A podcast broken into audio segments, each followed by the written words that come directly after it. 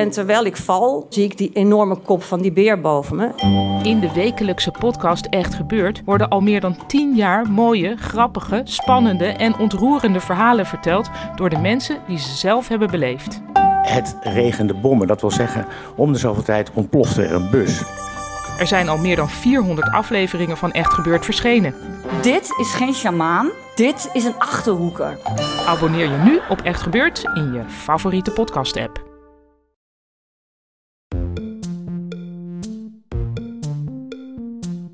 Hallo daar, fijn dat je luistert naar Boeken FM, de literaire podcast van Dasmag en de Groene Amsterdammer.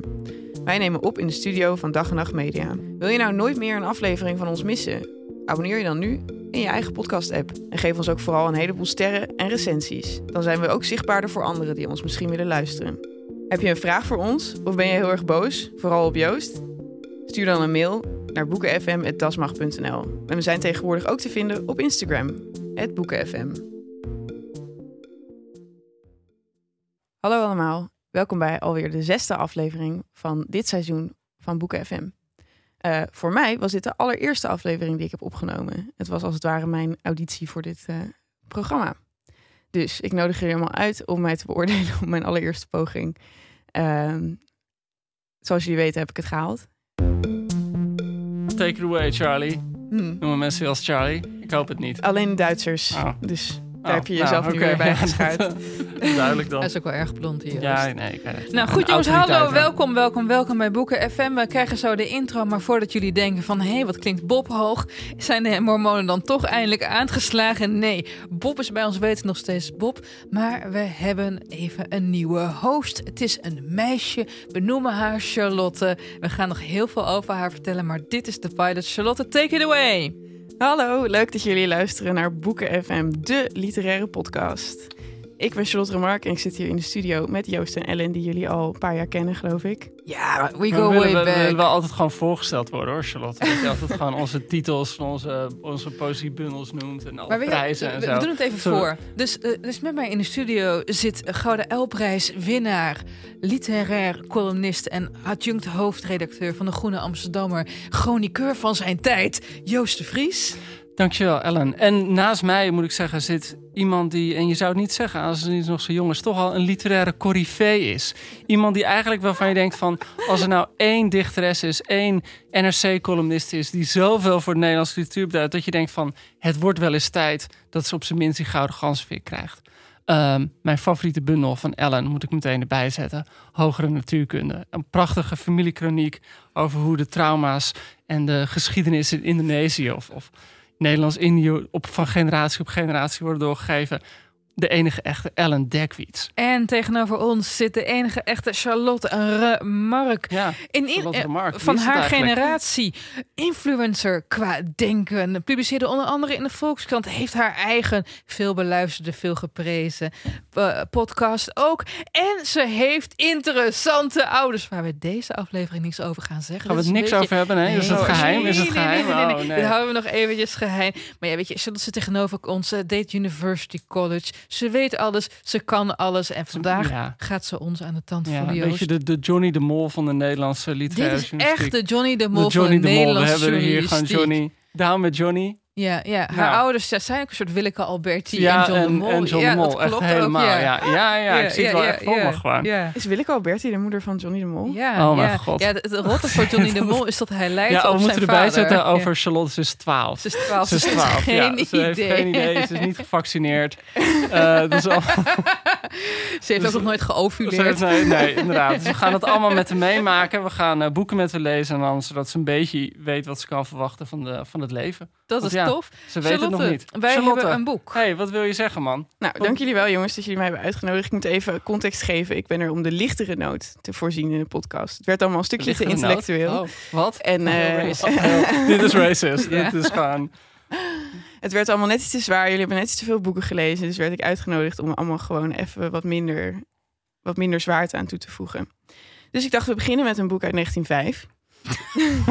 Nou, 1911, hè? Is Ja, want toch? het, Er was, uit, het was om- af in 1905. 1998 was het af trouwens. de Oké, eerste ja, ze heeft het eindeloos op de plank laten liggen. Ik ben geboren in 98, wisten jullie dat? 1998. niet in 1898. Sorry, 100 Oh. jaar voor Charlotte's geboorte. In 1898 was misschien de eerste misschien is het leuk, een leuke rubriek die we erin kunnen doen. Namelijk, wat deed jij in 1998? We beginnen met Ellen. Oh, wat grappig. Ja, dat vind ik heel... Zullen we dat elke aflevering eventjes doen? Iets wat Ja. jij aan het doen was in 98. Ik lag te blauw in het Stadspark. Joost. Ik eh, het was de zomer van het, eh, van het WK in Frankrijk. Eh, dat weet ik nog. En ik was in Frankrijk. En ehm, ik was heel erg verliefd op, op een meisje die Kelly heette. Moet je je voorstellen dat ik verliefd was op een meisje die Kelly en ze heette kwam op uit de een camping. huis op wieltjes. Zoiets, ja, inderdaad. Dat is wat ik nog weet. Oké, cool. Interessant jongens. Volgende Ja. keer doen we Waar was je tijdens 9-11? Ja. Heel goed, heel goed, heel goed. Maar Oh, terug naar jou, goed. Charlotte. Ja, eh, we beginnen met een revolverschot van Virginie Loveling. Dat is eh, voltooid in 1905 en verschenen eh, in 1911. Ik moet zeggen, ik heb nog nooit van haar had gehoord. Mhm. Dat jullie zeiden van dit gaan we doen. Ehm, het is verschenen, opnieuw verschenen in het kader van ehm, het uit de vergetelheid trekken van wat vergeten vrouwelijke schrijvers. Eh, zoals je ze nu moet noemen. Hm. Waar ik nog steeds geneigd ben om schrijfsters te zeggen, maar daar kunnen we het wel een keer over hebben. Ja, dat is iets heel lastigs. Want je hebt heel veel vrouwen. Bij de Groenen krijgen we altijd boze mails, gewoon af van alles. En we krijgen dus boze mails als we schrijfsters, schrijvers noemen. Want ze zeggen ja, het moet gewoon. Ja. Maar als we dan volgens schrij- eh, vrouwelijke schrijvers schrijvers noemen, dan zeggen mensen, dan krijgen we ook mails van mensen die zeggen: noem ze schrijfsters. Want waarom moet je het, eh, de vrouwelijke vervoeging eh, onzichtbaar maken? En dat Ja, ik vind ook het interessant, want er, zijn hier, er is hier best wel een tweesplitsing in, ook in de geschiedenis van fe- feministische taal. Toch? Op een gegeven moment zijn we ook woorden zoals rectrix gaan toevoegen. Omdat Of in het geval van. Ellen Dominatrix. ja. Of een dektwit. Precies, precies. Ja. Eh, maar goed, dit is verschenen eh, eh, Mijn vader heet Dekwoor, inderdaad. Dirk Reach. Ja. Maar ga door, Charlotte. Ehm, bij Fixit, eh die dus samen met eh, de Salamanderreeks dit boek opnieuw uit de kelder van de literatuur hebben getrokken, zoals Manon Uffenhof het noemde in haar bespreking. In NRC Handelsblad afgelopen week. Oh ja, daar. Ellen, jij wilde ons graag een synopsis geven van, van dit boek. Ja, jongens, weet je, het, het- het- Joost droeg dit boek aan. En eerlijkheid gebied mij te zeggen, kijk, we hebben het in de afleveringen hiervoor al over gehad. Ik heb drukke en heftige weken. Dus ik zei, lieverds, alsjeblieft niet een boek met de omvang van de nieuwe AFTH of met de omvang van de AFTH. En toen zei Joost, nou weet je, ik heb een klein boekje, wordt opnieuw uitgegeven, een revolverschot. Ik zou top doen, hoeveel pagina's is het? Hij is, jij zei 144, daar heb je me toch een beetje gegaslight. Ja, nee, ik denk, Ja, dat is moet mij je dun door het boek gedrenteld van- inderdaad. Het was gewoon het 180. thema. Echt heel jammer. Maar ehm, de premisse, lieve luisteraars, is dit het. is eigenlijk, eh, het speelt zich af rond 1900 in het fictieve dorpje Vroden, gebaseerd op het Belgische dorp Nevelen. En het verhaal is eigenlijk heel erg simpel. Je hebt twee zussen van soort van huwbare leeftijd. De een is een lekker ding van 20, de ander is... eh, ja, wat kleiner, van 30. En je hebt een knappe weduwnaar van 35 die tegenover hem woont, waar ze allebei een dikke crush op hebben. En hij gaat hen schietles geven. What could go Ja, ik wil het zeggen. Het, het begint wel echt meteen zo. En, en ik, ik, ik, had, ik moet eerlijk zeggen, ik had ook nooit van Virginie Loveling gehoord. Wacht even, mag ik daar even iets? Ook niet met combinatie de gedichten die zij heeft geschreven met Rosalie, haar zus. Nee, ook niet. Want Nee. dat heb ik wel gehad op de middelbare school hoor. Zoals, weet je, ik blode wel veel, maar dit heb ik onthouden. Je hebt bijvoorbeeld gedichten als Het Schuifken. Een beetje van die tearjerkers. Iemand die een horloge erft en, en dan zelf doodgaat en zo. Dus het was in mijn tijd, dus in de jaren negentig, toen er nog wel degelijk literatuuronderwijs was op de HAVO, werd er daadwerkelijk wel iets over gezegd en geschreven. Maar goed, de meerderheid van deze club, 66%, had nog nooit van de er van gehoord. Dus Nee, Joost, voor mij was het puur- meteen... eh, Nou ja, gewoon puur omdat ik... Je, je hebt natuurlijk wel echt zo'n beweging op het moment... eh, een beweging, een heel officieuze beweging... Dat, dat een hoop uitgeverijen echt op zoek gaan naar boeken van schrijfsters... die een beetje vergeten zijn in binnen- en buitenland... en vaak onterecht vergeten zijn.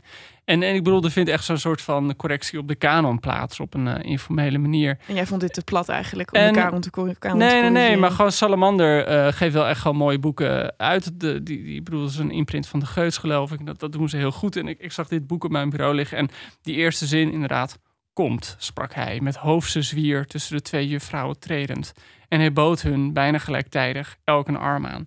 Nou, dat is echt een hele lekkere binnen, binnenkomen. Hoofdse zwier, vind ik heel mooi. En daarna de bladzijde daarna vraagt hij aan zo... Goh, jullie wonen met z'n tweeën. Het zijn notarisdochters, maar de, de, de ouders zijn overleden. Eh, ze wonen op stand.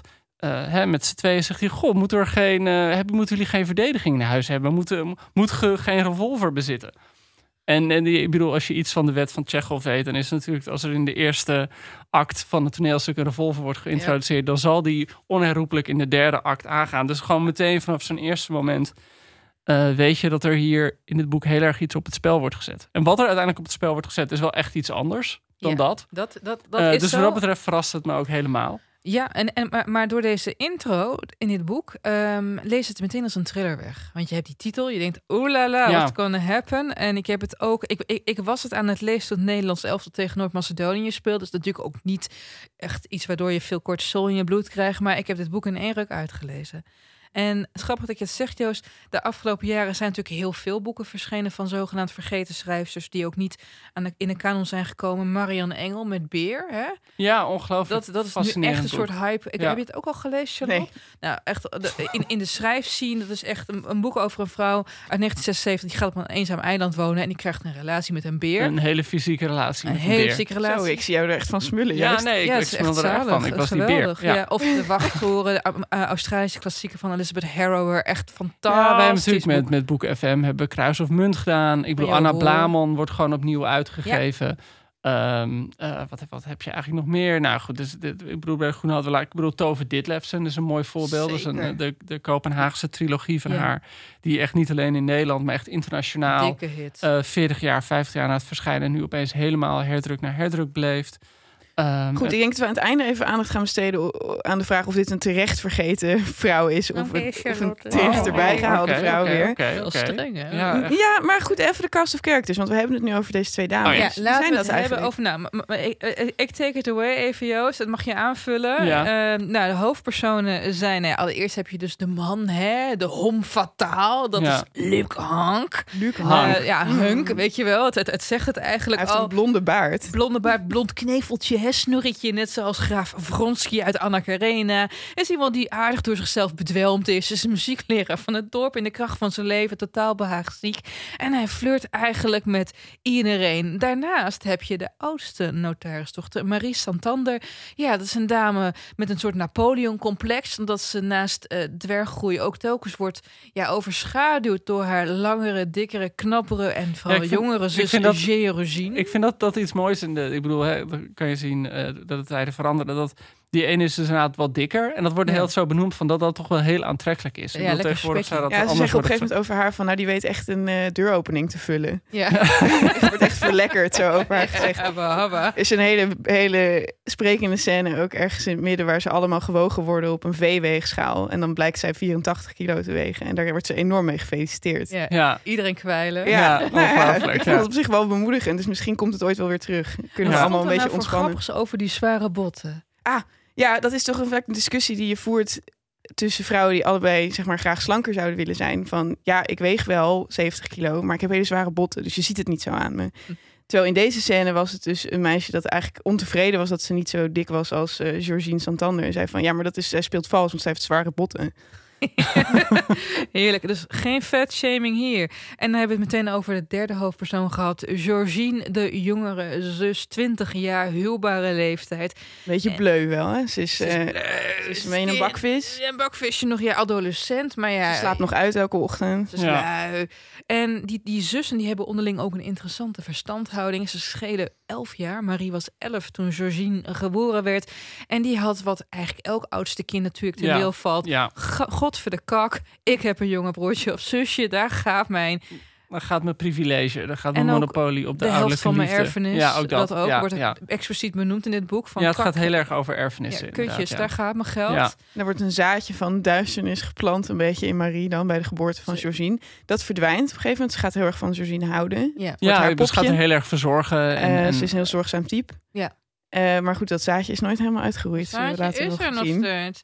En dat zaadje, dat is ook grappig wanneer de roman dus van start gaat. Het is nieuwjaarsdag, wat Marie dan nog niet weet dat het voor haar Year from Hell gaat worden. Daar komen we zo meteen op. En er wordt al over Marie verteld. Kijk, in die tijd, en dan het, het, het speelt zich ongeveer rond het jaar 1900 af was het, kon je als vrouw, als je bemiddeld was, als je een leuke erfenis had, kon je eh, gewoon lekker single wonen. En daar viel in die tijd wat voor te zeggen. Want veel vrouwen stierven toch in het kraambed. Het was geen feest om getrouwd te zijn. En wij hadden het van tevoren even, Charlotte, over die geweldige remake van Little Women, waarin Meryl Streep als de verbitterde oud-tante de God, de, de, de echte show stil. Wat zegt zij op een gegeven moment nou? Waarom ze nooit getrouwd is? Nou, ze drukt haar nichtjes heel erg op het hart van je moet wel trouwen, want anders lukt, je, lukt het je niet in dit leven. En dan zegt de hoofdpersoon van, ja, maar jij bent toch nooit getrouwd? Dan zegt ze, well, that's because I'm rich. En zo was het in die tijd. Ja, maar je hebt natuurlijk inderdaad, het is bijna zo'n archetype hè, in literatuur van die tijd. Dat er altijd een soort van ongetrouwde oude vrouw is die of heel ongelukkig is of Ja. heel wijs. Ja, Juist, dat is nou, altijd- wijsheid ook Ja. gewoon door ongeluk waarschijnlijk. Ja. Maar dus wat, Ja. wat, wat er interessant hieraan is, is dat er wel onder sluimert van, eigenlijk was ze liever wel getrouwd geweest. Ja, En dat zeg je van, oké, eh, eh, Marie en Georgine hoeven niet te trouwen, want ze zijn echt set for life. Ja. Eh, toch zijn ze allebei heel erg dol op deze Luc Hank. Zeker. En, en er, er wordt aan het begin van de roman ook al verteld dat deze Marie, ze heeft haar aanbidders gehad. De, de, de, de saaie maar, en wat vatsige dokter Soenen met een S. Oh ja. Die had ook al avances gemaakt. Maar ja, Nomen bleek geen omen, want zij wees al die avances direct naar de prullenbak. En er waren andere potentiële vrijers, maar... Zij was zelf verliefd geweest op de burgemeester. Ja, Daar komt mijn favoriete uitdrukking uit het boek ook tevoorschijn. Zegt ze dat ze, zij had al een tijdje een boontje voor hem over gehad. een boontje voor me over gehad. Ja, Ja, er zitten heerlijke oude, eh, oud-Vlaamse uitdrukkingen Komen we bij. zo meteen nog even, laten we daar wat dieper op ingaan. Maar eerst even nog de plot. Maar deze Marie, die is eigenlijk, zo wordt toch wel gesuggereerd, uit eigen overweging ook gewoon happy single. Maar dan is er opeens die Luc Hank, die met beide zusters flirt. En op een zeker punt, Marie pakt. En dan niet pakt zoals eh, de buurman eh, Kees uit uh, Vlodder Uit pakt. Ja, buurman Maar-. Ja. Dat, dat ken je dan weer wel. Dat ken je dat wel, je Ja, wel, dat is ja. klassieker. Dat Ja, krijg ik ja, alweer ja, ja, in de ja. geschiedenisles op school ongeveer. Maar hij, hij, hij grijpt haar om haar middel. Hij drukt kussen op haar hoofd en in haar hals. En wanneer Marie hem op zijn mond probeert te zoenen, dat, dat, dat houdt hij af. Het is toch niet geheel gepast. Maar in die tijd waren dit al, dit was serieus vrijen. Dit was serieus verkering uitspreken, hè, rond 1900. Dus zij denkt dan van, oh, wacht eens even, ik heb hem veroverd. En dat, Ja. daar begint al een van de interessantste ambiguë lagen van dit boek. Want die Marie, het is echt duidelijk dat ze vooral hem lekker vindt, weet je wel. Ja. En ze ziet hem ook als een trofee, want hij is echt wel... Ik, ik moest een beetje aan Gaston uit Bellen en het Beest denken. Die ook Ja, gewoon zo. "La, ik ben zo fantastisch, verliefd op zichzelf door de straten heen zwalkt. En Al die tienermeisjes pianoles geven ook. Ik vond het "Oh, super shady. smerig." Ja, echt zo Ja, maar, dat vind ik ook wel. En eh, jij, jij zei, je noemde het al. Van, da- daar begint inderdaad echt zo'n ambiguïteit. Die naarmate het boek vordert steeds groter wordt. Want ja, het- het- het- er is een soort van. Stop, ik maak hem even af. Ik doe even een kaartje, Joost. Oh, ik doe een Want ze zegt op een gegeven moment zelfs... ik heb hem veroverd. Ja, dus ze ja, ja. ziet hem als een trofee. Terug naar Ja, jou, oh, Joost. terug naar mij. Ja. Ja. Eh, dankjewel, mevrouw Kaag. Eh, nee, en, en die ambiguïteit staat er erg in. Er zit een soort. Er, zit, er is een ik-verteller die zich een paar keer meldt. Ja. Vijf keer om precies Ja, te al zijn. vijf keer. Nou goed. Dus je weet wel van er is een soort van vertelprocedé. Je zit voor een heel groot deel zit je eh, zit de vertelling. Ik bedoel, het is gewoon een derde persoon, maar het zit heel dicht op Marie. Dus je volgt eigenlijk voor een groot deel heel erg de waarnemingen van Marie. En er komt gewoon denk ik een beetje zo'n moment dat zij te hard van stapel loopt in haar observaties. Tenminste, als lezer begin Heel je, dat. Ja. begin je dat zo door te krijgen. Ja. Alleen al die, die Luc Hank. Luister, nee. Oh, nu ga ik even het voor Marie opnemen, Joost. Nou, dit is een Wel- vraag voor mij aan jou, denk ik. Want jij hebt, tij- jij hebt namelijk een idee over de Morris van die tijd. Want ik zag dit dus heel erg als van... oké, dit is een vent die met elke vrouw flirt. Ja, Uit dat, medelijden op een gegeven moment op een feestje... waar zij heel erg de lelijke zus is... zegt hij van, je hebt zulke mooie Precies, ogen. dit is precies wat ik had. Want ik dacht van, kijk, dit is natuurlijk gewoon zo'n man die met alle vrouwen flirt.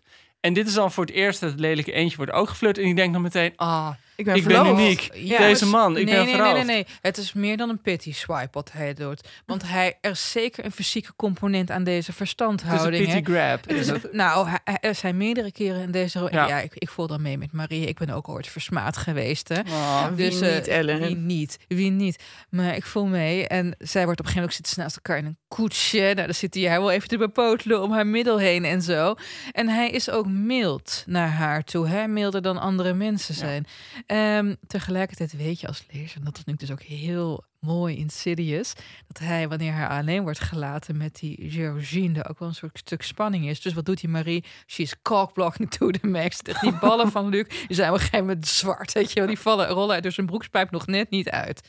Nou, zij ruikt dat er iets speelt tussen eh, haar jongere zusje en Ja. de man van haar dromen. Ja. En dus wil ze ze geen seconde meer alleen laten. Ja. En er valt dus die liefde tussen haar en de zus, die begint ook een beetje te verzuren. Want zij is eigenlijk dol op haar zusje, maar nu denkt ze van wacht eens even. Opeens worden ze concurrenten. Ook omdat het hele dorp, en dat vond ik interessant, zit de hele tijd tegen haar te zeggen van... Wat heerlijk dat die man verliefd op jouw zus is. En nou gaat ze trouwen. En, ja, ja, ja. eh, Nee, dat hij- is heel pijnlijk. uitvliegen. Dat, dat ja, en dan gaat ze uitvliegen. en wat moet je blij voor haar zijn? Voor jou is het immers al te laat. 30 jaar oud eh, is ja, ze. ja. ja. Ja. Ehm, Luc is 35, maar daar hebben we Ja, het niet nee, over. nee, is gewoon, jongens. Die is bovendien al getrouwd geweest. Ja. Ja, nee, dat zijn gewoon andere. Nee, inderdaad. En dus ook de huishoudster die de haar er een beetje erop moet wijzen. Die scène, Joost. Eh, ja, oh, dat vond ik zo hard. Ik- Dodelijk, dodelijk. Want dat zegt ze op een gegeven moment, jongens. Trientje de dienstbode. Trientje de dienstbode Vriendje de ja. Nou, hak, hak, hak. Die zegt, eh, die, die zegt van, nou, er komt wel, eh, weet je, onze chirurgie gaat uitvliegen, hè?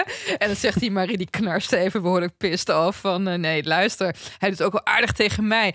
En dan zegt die train, Trientje van, ja, maar je doet toch ook aardig tegen de hond? Ja, ja, Die ja. voor- de zotte hond of zo. De, ja, de hond van, Ja. van het huishouden waar jouw geliefde woont. Daar ben je toch ook opeens vriendelijk mee. Je ziet echt die Marie, jongen, alsof met een appelboor dat hart wordt uitgehaald. Het is echt pijnlijk. Maar ze zitten er meer, dat vind ik trouwens heel goed aan deze roman. Ik weet niet hoe het met jou zit, Jo, want jij gaat ook wel hard op pijnlijkheden in de roman.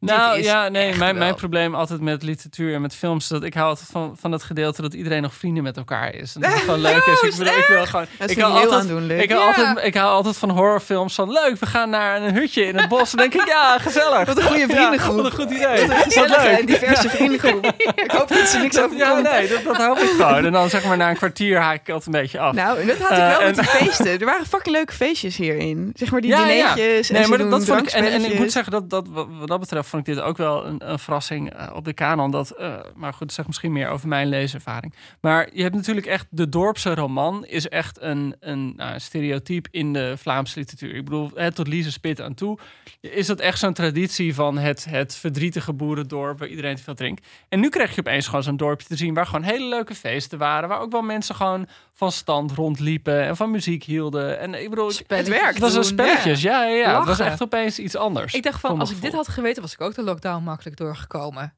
Gewoon in dat dorp. In het dorp, In ja, het dorp. superleuk. Maar goed, we zitten dus nu in die driehoeksverhouding. Hè? Ja, En het wordt eigenlijk steeds pijnlijk duidelijker ja voor, dat, het, dat het geen driehoeksrelatie voor Marie. is. Ja. Nee. Nou, ze weet het nog steeds niet. Hè? Want zij zit steeds tegen zichzelf te zeggen van... ik heb hem. Ik heb de man die iedereen wil. Ja. Tevens ziet ze het heus wel. Dat wat haar jongere zus aan het doen is. En het wordt... eh, ze kan op een gegeven moment die twee waarheden niet helemaal meer met elkaar rijmen. ja, dat is het. Maar dan wil ik nu, denk ik, uitsluitsel van jullie. Want ik weet het nog steeds niet. Oh? Zag Luc echt iets in Marie?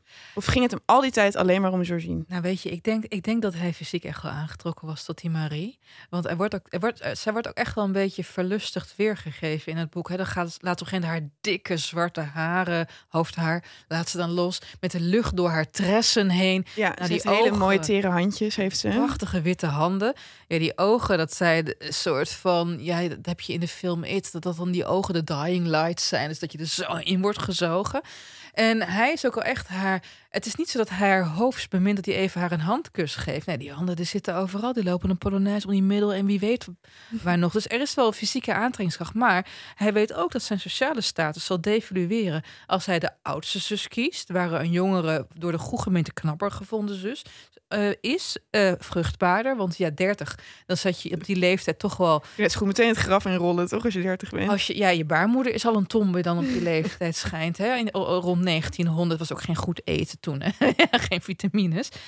Dus ehm, ik weet, ik denk dat die Luc... Kijk, maar die Luc is tegelijkertijd behaagziek. Dus dat is Ja, echt zo ik wil het zeggen, van, dat, dat wordt heel "Hi goed beschreven. Ze allemaal." is heel hoffelijk. Hij weet Ja. precies tegen iedereen in het dorp, ook alle andere personen. Hij weet precies hoe hij zich moet gedragen. Derden zeggen ook van, nou, hij is wel lekker met de dames. En Ja, ja, nee, die maar het, het, is, het, is, het is duidelijk zo'n type. Gewoon Ja. zo'n man die hem een beetje los in de broek heeft hangen. Maar gewoon, gewoon zo iemand die gewoon, een soort Don gewoon zo Draper. iemand op zo'n feestje wiens hand altijd net iets te laag op je Ja. rug ligt. Zo'n Oh, dat figuur is het ik, wel. Als niemand, Gezellig. als niemand het kan zien.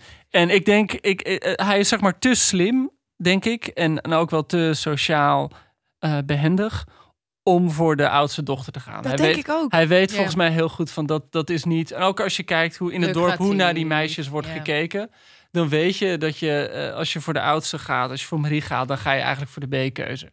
En dit, eh, dit, hij gaat gewoon voor de A van Want hij Georgina. kan iedereen hebben. Maar wat Ja, hem echt een klassieke fuckboy maakt, en dat vind ik zo grappig, want hij heeft een heleboel van die manieren om te praten tegen vrouwen. Ja. die heel, denk ik, echt super scherp worden beschreven. Eén daarvan is dat hij op een gegeven moment ehm, is Marie naar de begrafenis geweest van eh, eh, moeder van Mussen. Mussen is de jonge notaris die ook Ja. op het erf soort Mr. rondloopt. Collins in het Heel Ja. schattig, mager mannetje. Ik was echt op slag verliefd op deze jongen. Ik dacht dat hij ook een love interest ging worden, maar goed, dat is misschien van later zorg. Ehm, zij gaat op een gegeven moment naar de begrafenis van zijn moeder en dan komt ze terug en dan spreekt ze in de koets spreekt ze Luc Hank, want die was daar ook. En ehm, Geweldige naam, Luc Hank. ja, Ja. en dan eh, zegt hij van, oh, was de vrouw van burgemeester Florizonder ook? Ik heb haar helemaal niet gezien. Ik zag alleen maar jou. Oh. En dan Ja, ja, ja. eh, zegt zij van ik, dat ze zichzelf echt voelt, voelt wegsmelten. Ook al weet ze dat het een tactiek is. Van dat een man dan zegt van, ook ik had geen idee dat er andere chicks aanwezig waren. Want ik keek alleen maar naar jou. Ja. Eh, en dat is zo typisch dat dat gewoon honderd jaar geleden ook al zo ging. ja, dames, dat is een traditie die bij mannen van vader op zoon gaat. Hebben bepaalde regels. Ja, maar het ligt natuurlijk ook aan de man of het werkt. Hè? Want 200 jaar geleden had je dus in Pride and Prejudice Mr. Collins... die dan zegt van, oh, ik ben heel goed in vrouwen complimenteren. En niemand zou doorhebben dat het gemaakte complimentjes zijn. Al die zussen hem keihard uitlachen. Ja, weet je wel, omdat hij echt on- een soort column is, onooglijk. Maar goed, we hebben dus een, een, een spannend plot. En we hebben een, een tragedie die daar al in zit. Hè? Niet alleen een tragedie van eentje wordt boven de ander verkozen... maar ook tragedie, de angst voor het oude vrijsterschap. Nou ja, en wat erin zit, dat, dat noemde je eigenlijk net ook al, dat, dat er een soort van twee waarheden voor Marie bestaan. Ja. Die gewoon steeds verder uit elkaar komen te gaan. Aan de ene kant die heilige overtuiging dat Luc Hank bij haar hoort. En tegelijkertijd dat de rest van de wereld toch wel echt zegt van ja, maar hij gaat echt voor je zus eh, rustig aan. Dus je merkt ook dat er zo'n soort van, van splitsing plaatsvindt. In, in ja, eh, zeg maar het leven en werkelijkheid van, van Marie. Het is het begin van haar gekte. Hè? We zullen Ja. later dan zien dat zij wordt ook echt gek. De maar, dat- zotin. maar die kiem Ja. zit hem hierin. Dat Ja. ze gewoon ineens niet meer kan rijmen van wat zij voelt en wat ze voor de ogen ziet gebeuren. Laten we verder gaan, want eh, we, we zullen een paar spoilers weggeven, lieve mensen. Op een gegeven moment gebeurt het dan. Georgine valt van de trap af en stoot haar hoofd. Ja. en heeft een buil. En dat heeft ze al een redelijk ja, chagrijnige stemming. En dan barst ze op een gegeven moment uit tegen haar zus, als ik me het goed herinner, van... Oh ja, trouwens, ik ga trouwen met Luc. Ja. Haha, I forgot him. En dan zegt die Marie, die zegt... Ja, maar ik ben ook verloofd met hem, wat niet waar is. Hij heeft haar niet ten huwelijk gevraagd. Hij heeft zich wel gedragen als haar vrijer. En die twee zussen, die beginnen dan opeens weer helemaal te bonden met elkaar. En dan gaat een van hen... Ze hebben besloten dat de enige oplossing is dat Luc Hank moet sterven. Ja. Want eh, hij heeft ze allebei zo erg verraden. En, en hier zit wel een beetje verraad van Marie ook. Want Marie die dikt heel erg aan wat voor verhouding zij heeft gehad met die Luc Hank. Het zijn natuurlijk alleen maar een paar strelen geweest. Ja, terwijl Ja, allemaal briefjes heeft ontvangen. Georgine is gewoon ten huwelijk Ik ben gevraagd. wel heel blij Ja. dat je niet zegt, zijn maar een paar strelingen geweest. Hoor. Dat, dat biedt later, als deze podcast wordt opgenomen, over heel veel po- po- potentiële MeToo-gevallen. Ja, maar Charlotte zei, het zijn maar een paar strelingen. Ik bedoel, daar heb je geen recht Streling op. eh, meer of minder, ja, hè? ja. verloving meer of minder. Moet kunnen op een feestje. Alright. In de grote hitte van dat verraad eh, besluiten Georgine en Marie van... oké, we moeten nu die man doodmaken. En hier denk je natuurlijk van... oké, nu komt dat revolver terug. Eh, het heet... Ja, een revolverschot heet het. Hey, maar het grappige is, ik dacht steeds dat het pistoolschot heette. Dus ik, ik had echt een paar keer gegoogeld. En ik denk van, hè, bestaat dit boek dan niet? Waarom kan ik het niet vinden? Je had ook in de appgroep niet gezegd wat we gingen lezen. Dus ik heb gewoon op de gok ben ik dit gaan lezen. Oh, Ja, het was waar trouwens. Ik dacht, nou, zien we Had ik alleen gezegd eh, Virginie Loveling? Ja, die Oh, heruitgave. Nou goed, toen was ik er wel. nou ja. Anyway, ehm, ze loten van wie van de twee gaat naar het huis van Luc Hank om hem het hoofd door te schieten. Het is echt bizar. Georgine is denk ik zo vatbaar voor de mening van haar oudere zus dat ze het gewoon doet. Zij pakt het kortste eind en ze gaat. En ehm, nu hebben zij en Luc Hank hadden juist op die avond afgesproken om een amoureuze ontmoeting te hebben. Dus hij ontvangt haar eigenlijk met open armen van wat leuk dat je hier bent. Hij is zijn, hij is zijn wapencollectie aan het schoonmaken, want hij heeft een wapencollectie. Ja. Zij durft niet helemaal. Ze heeft dat revolvertje heeft ze in haar zak. Het damespistooltje dat zij hebben gekregen. Ze durft het niet helemaal te trekken. Dus ze pakt op het laatste moment pakt ze iets van de tafel. Een van zijn wapens. En schiet, eh, probeert hem daarmee door het hoofd te schieten. Hij probeert het haar te ontfutselen. En in het proces schiet hij zichzelf in het hoofd. Eh, Exit Luc Ja, eigenlijk precies de bedoeling. Wat de bedoeling ook was, Ja. inderdaad. Ja. Ja, ja, ja. Nou ja, Shajuni die, die keert terug. Die heeft nogal onder de indruk van wat gebeurde. Ik weet niet waarom. En ze begint koorts te krijgen. En we moeten dus niet vergeten dat ze natuurlijk die ochtend nog op de muil is gegaan. Dus die heeft echt een hersenkneuzing van je welst. Dus binnen een etmaals die ook te zielen. En dan komt de horror. Want daar, ik heb zelden zulke gore lijkscènes ja, gelezen. echt dat lichaam van... Als in dit boek. What the fuck, Ja, mensen. echt. Dit is alsof ik ehm, Peter Jackson voor het Lord of the Rings films hoor, Ja, ik bedoel, films. Georgina blijft echt liggen totdat ze helemaal blauw-zwart uitslaat. En, eh, Op een zeker moment komt er een soort van bruisend bloed nog uit haar neus en mond gedropen, omdat haar hersenen al ons ontbinden zijn vanwege die klap. Maar ik vond dit dus echt genieten. Want ik heb zelf Wat? helemaal niks met gore. Maar die Mm. Virginie Loveling heb ik even opgezocht. Het is gewoon zo'n nette oude dame. Ze was 70 toen ze dit boek eh, schreef.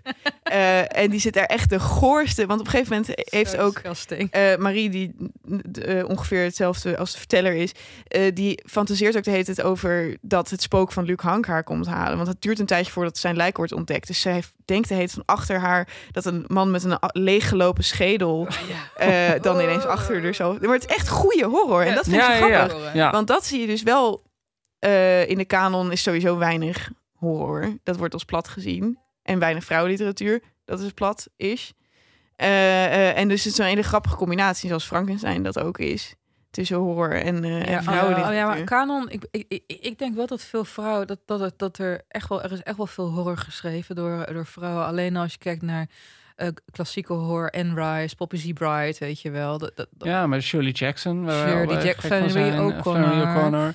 Maar, Eh, in, maar in dit geval, in het klassieke boek. En inderdaad, als je die foto's googelt van eh, Virginie Loveling, dan denk je, oh, dat is een soort Annie M. G. Smit, weet je Ja, wel. Maar ja, Annie maar was ook geen lieve oude Nee, nee, oma. nee, nee, nee, helemaal niet. Dat was echt een belediging kanon. Ehm, maar die genrevermenging vond ik heel interessant. En gaandeweg wordt in dit dorp... Ze wordt ook gek, weet je wel? Ze, ja, ze, ze, ze- ja, ze wordt steeds zonderlinger. Ze, ze draait door. Voorheen was ze een beetje de EHBO-post van het dorp. Dus als je een gekneusde teen had, dan ging ze hem lekker verbinden.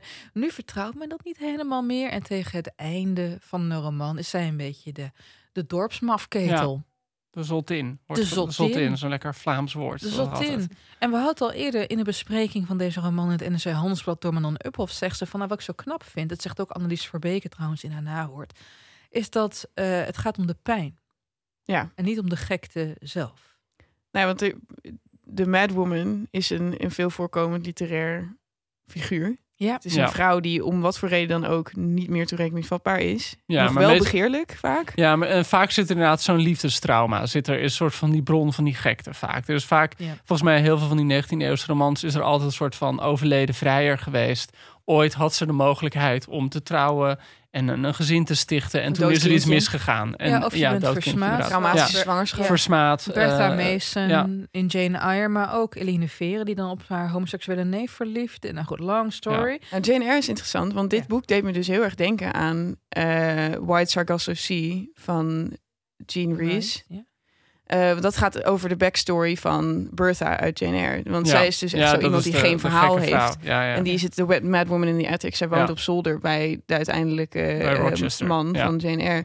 Eh, en er wordt nooit helemaal uitgelegd wat er nou, waarom ze nou gek is. Ze moest op een gegeven moment op zolder opgesloten worden. Er- Dat is gewoon een gegeven. En toen heeft eh Jean Rees heeft een boek geschreven over zeg maar, de origine van Bertha Mason. Wat heel interessant is, want dan zie je dat die gekte is niet gekte. Het is heel diep verdriet. Ehm, en dat zie je nu ook bij Marie. Die is heel onsympathiek, vind ik, al vanaf het begin. Eh, maar je begrijpt haar wel en je leert haar heel erg goed kennen. Ja, en, en daar, daar hangt ook in wat, wat ik echt een van de hoogtepunten van deze roman vind mee samen. Op een gegeven moment eh, gaat Marie, Marie die gaat het gedenkteken, waar ze notabene zelf 10 frank aan heeft bijgedragen, voor Luc Honk op de begrafenis gaat ze slopen. Maar ook gewoon Ja. niet, te, niet te subtiel. Hak, hak, hak. Ja, ja. Met een hamer. Met een hamer, bam, daar, daar gaat ze.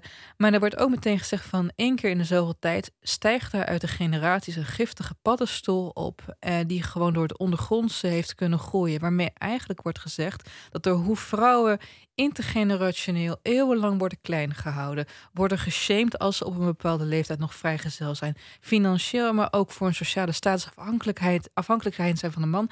Daar creëer je monsters mee. Is dat het commentaar van Virginie Loveling? Want dat is dus een vraag die ik ook had: van, is dit een proto-feminist?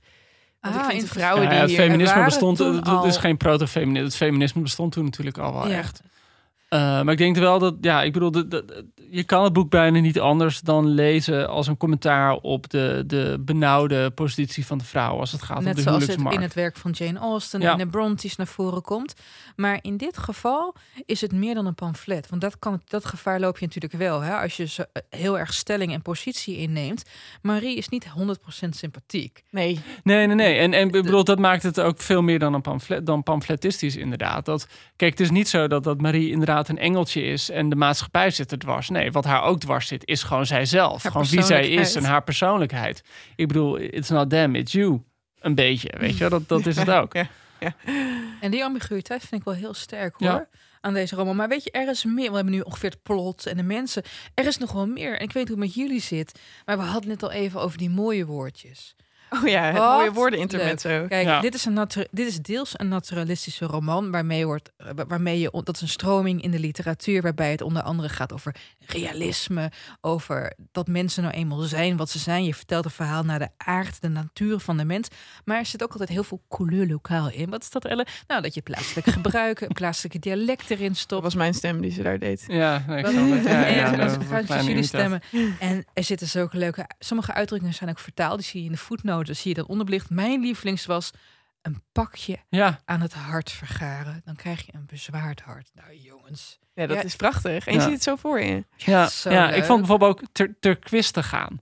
Dat Ja, was dan dat je ergens kapot, nee, kapot aan gaat. Oh, dat dat ja, gewoon, ja. dat het je Turquoise. te, ja, te Ik kwist ga gaan. helemaal ter kwisten aan. Ja, Ik eh, heb een paar woorden voor jullie Oh, ja. opgeschreven. die ik op zich in de context denk ik wel kon begrijpen. Maar los, heb, als jullie zo 1, 2, 3 kunnen definiëren, hebben jullie allemaal, Oh, krijgen jullie een shit. prijs. Oh, nee, nee, nee, nee, nee.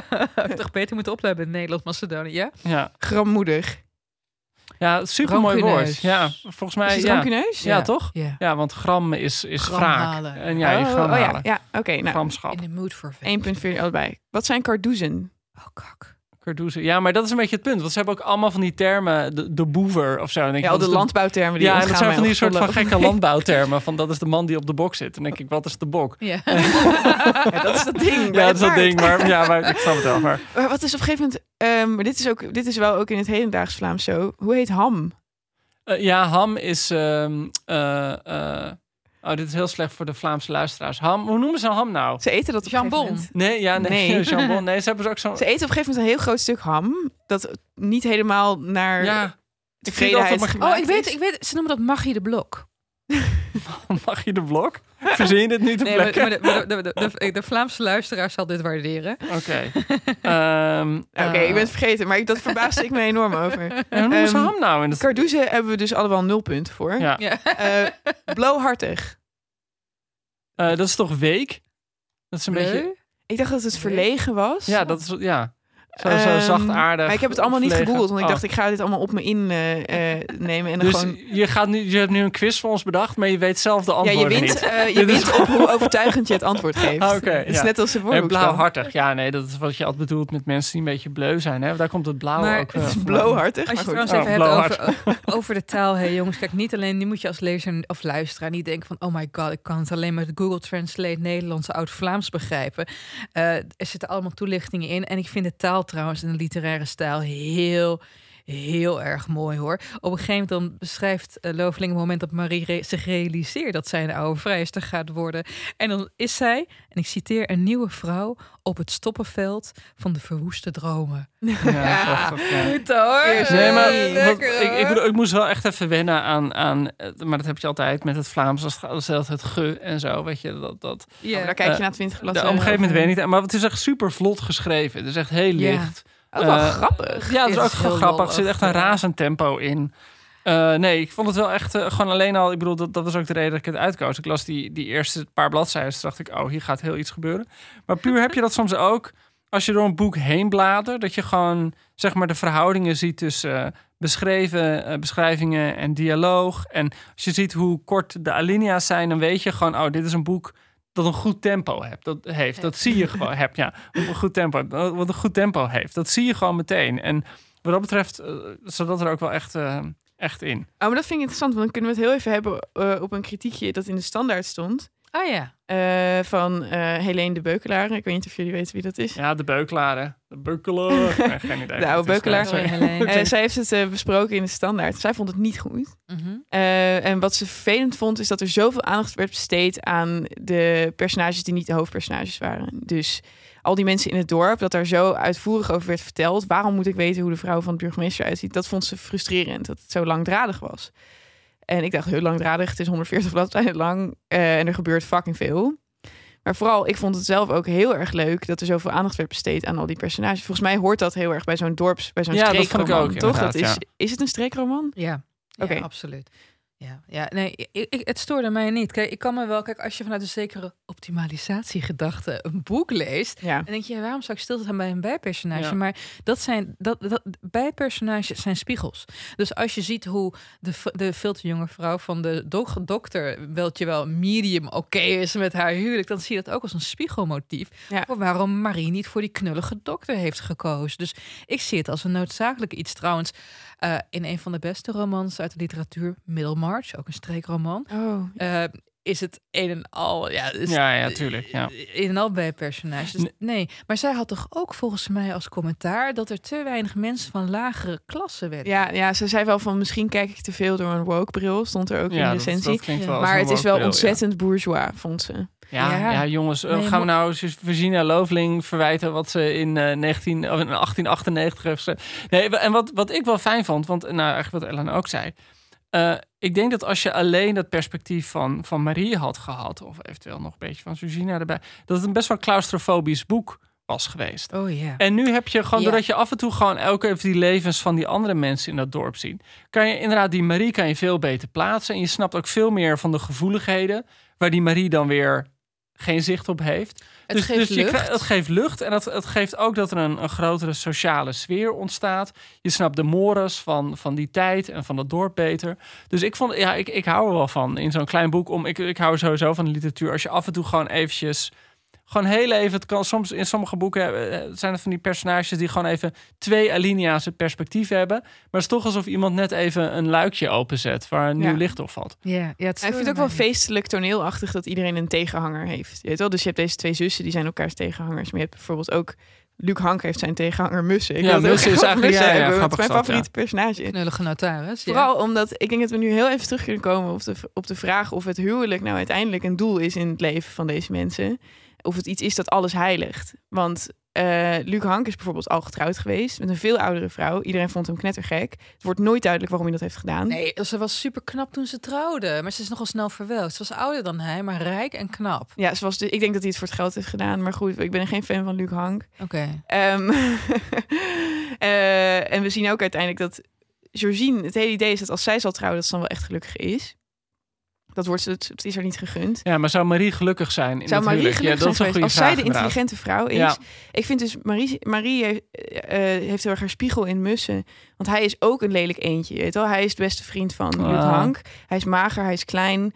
eh, hij is een moederskindje. Hij is ook een notaris. Hij is de notaris waar zij notarisdochter is. Ja, Eh, eh, eigenlijk was hij de perfecte match voor haar ja, maar dat wilde ja. ze niet, want ze wilde de hunk. Eh, eh, eh, Mussen die krijgt uiteindelijk het enige happy end in het hele boek. Hij trouwt en maakt vijf kinderen. Ja. Eh, en dat, toen ging ik me afvragen van... Was dat Marie gegund geweest als zij wel was getrouwd? Was dat de happy end geweest die Mussen heeft gekregen? Of was zij net zo ontevreden geweest als ze nu eigenlijk is? Ja. Ja, maar dat is inderdaad een goede vraag. Want het klopt wel voor, voor Georgina. Die was denk ik gewoon helemaal happy geweest. Maar inderdaad, op een bepaalde manier denk je dat Marie is gewoon te, te zelfstandig en te eigen gereid om helemaal in dat huwelijk op te gaan. En je vraagt je ook bijna af of Hank wel, eh, zeg maar, tegen haar opgewassen was. Eh, als ze getrouwd zouden zijn. Ja, dat hij was een rokkenjager gebleven ja, nog steeds. Dat had ze niet getrokken. Hey, en- Dat vond ik niet een gedegen kritiek op het huwelijk. Want dan hadden ze wat meer twijfel in Marie gestopt. Dan hadden ze naar ze. Dan had Loveling had dan eh, eh, via Marie nog een beetje eh, twi- twijfel uitgesproken over dat hele idee van het huwelijk. Want ze wordt bepoteld op een gegeven moment en dan is ze op slag verliefd. En gelooft ze meteen de verloving. Terwijl ik zie in haar een hele intelligente vrouw die dan ook daar vraagtekens bij had gehad. Ja, maar kijk, in die tijd was de spoeling veel dunner. En als dan de enige aantrekkelijke vent, enige echte aantrekkelijke vent in het dorp eh, je bepotelt. Nou, ik weet niet hoor, maar misschien eh, ik kom uit een zeer mensrijke familie. en plant ons nogal voort. Ehm, maar heel, heel even terug nog naar het verwijt dat werd gemaakt in de standaard. Hè? Ehm, Ik vind dat je een boek moet beoordelen op wat het boek probeert te zijn. En Ja. niet op wat het niet is. En dat wil niet zeggen dat ik me niet dood kan ergeren aan romans waar het alleen maar, alleen maar mannelijke personages in komen. Waar het alleen maar gaat over de man en de vrouw is gereduceerd tot de manic pixie dream girl. Ja. Jongens, ik hoor eh, het getrippel van Het- het eh, gestommel, ja, mensen ja, boven mensen. ons. Dus, We- dus ik moeten vind, we moeten gaan gaan af- afsluiten. Ik vind dat we het een cijfer moeten gaan Oh, geven. een cijfer moeten geven. een cijfer Doen we dat? Ja, dat doen we. Ja, Ja. Heb je nooit geluisterd? Je hebt nog nooit een aflevering afgeluisterd. Fuck jou, Charlotte de Mark. Oké, nou jongens, Ik einde, dacht, dit kan einde beter. pilot. fuck? Ja, Jansen, ze heet Jansen. Charlotte, Charlotte Jansen. Jansen. Ja, Ja. ja. Nou, Ehm, gewoon op een schaal van 1 tot 10? Ja, Ik wil, niet, te- ik wil niet te streng starten. Ik geef het gewoon een dikke 8. oké, ik ook. ja, ik ook. Hier ben je een acht. Jee, drie Goed, een acht. jongens. Nou, happy end. Wij raden het eh, in ieder geval aan. En als je nu denkt van, goh, wat een leuke podcast er zit. Kijk ook even Boeken FM bij de Groene Amsterdammer Das Mag. Eh, geef het veel sterretjes. Dat vinden we ook echt heel leuk. Wat is het, Charlotte? Nee, niks. Oh, ik dacht dat je gebaartjes maakte, maar misschien is dat gewoon Nee, nee. een, Nog een een snoepje kleine van de spasme. week doen of zo? Is dat ook Snoepje nog van- iets? Snoepje van de week. Snoepje van de week. Snoepje van de week, Nee. van de week. Eh, Je luistert duidelijk niet genoeg podcast. Ik ga take it away, Oh, snoepje van de week is van, ehm, van ehm, Is dat die man, man? vreselijke eh, Vre- Sander Schimmelpenning. Nee, Oh, zelfs En, eh, podcast. ja, nee, zelfs het is- podcast. podcast. En ze komen uit Twente. Ja, even demmen. Goed, Charlotte, take it away. Maak maar het einde. Oh, hartelijk bedankt voor het luisteren. En bedankt aan eh, Joost en Ellen die hier met mij dit hebben Ja, ook bedankt. gehost. Maar moeten we niet nog even dan zeggen, snoepje van de week was mussen. Oh ja, dat is leuk. Ja, maar Ja. goed, ik wil hier even context bij geven. Ik val gewoon heel erg op magere kleine mannen. Dus Nou. dat was al, dat nam mij heel Eh, erg voor ja, een als je hint. luistert, Nou, eh, tag Ja. jezelf, tag, tag ons in een foto van jezelf. Ja. En eh, win een date met Charlotte. Ja, maar het en, is toch raar dat ze hem neerzetten als extreem onhuwbaar? Ja, maar luister, Charlotte, je weet eens wat, er- wat er niet wordt gezegd. Misschien dat hij, een- omdat hij zo mager is, ook een walgelijke geur heeft. Misschien Of dat- rook hij heel raar. Eens maar hij is heel erg niet stinkend, maar dat iedereen dacht van wat ruikt, wat ruikt, Ja. wat is dit nou? Hij is houdt heel erg van zijn moeder. En er wordt ook gezegd van, oké, een man die van zijn moeder houdt, die houdt ook, zal ook van zijn vrouw houden. Ja, hield van nee, zijn moeder. Was geen goed teken, Charlotte. Goed, ik, ga, ik heb hier nog een heel uur vol te lullen, maar het kan helaas niet meer. Ehm, tot volgende keer. Dankjewel voor het luisteren. Joe, joe.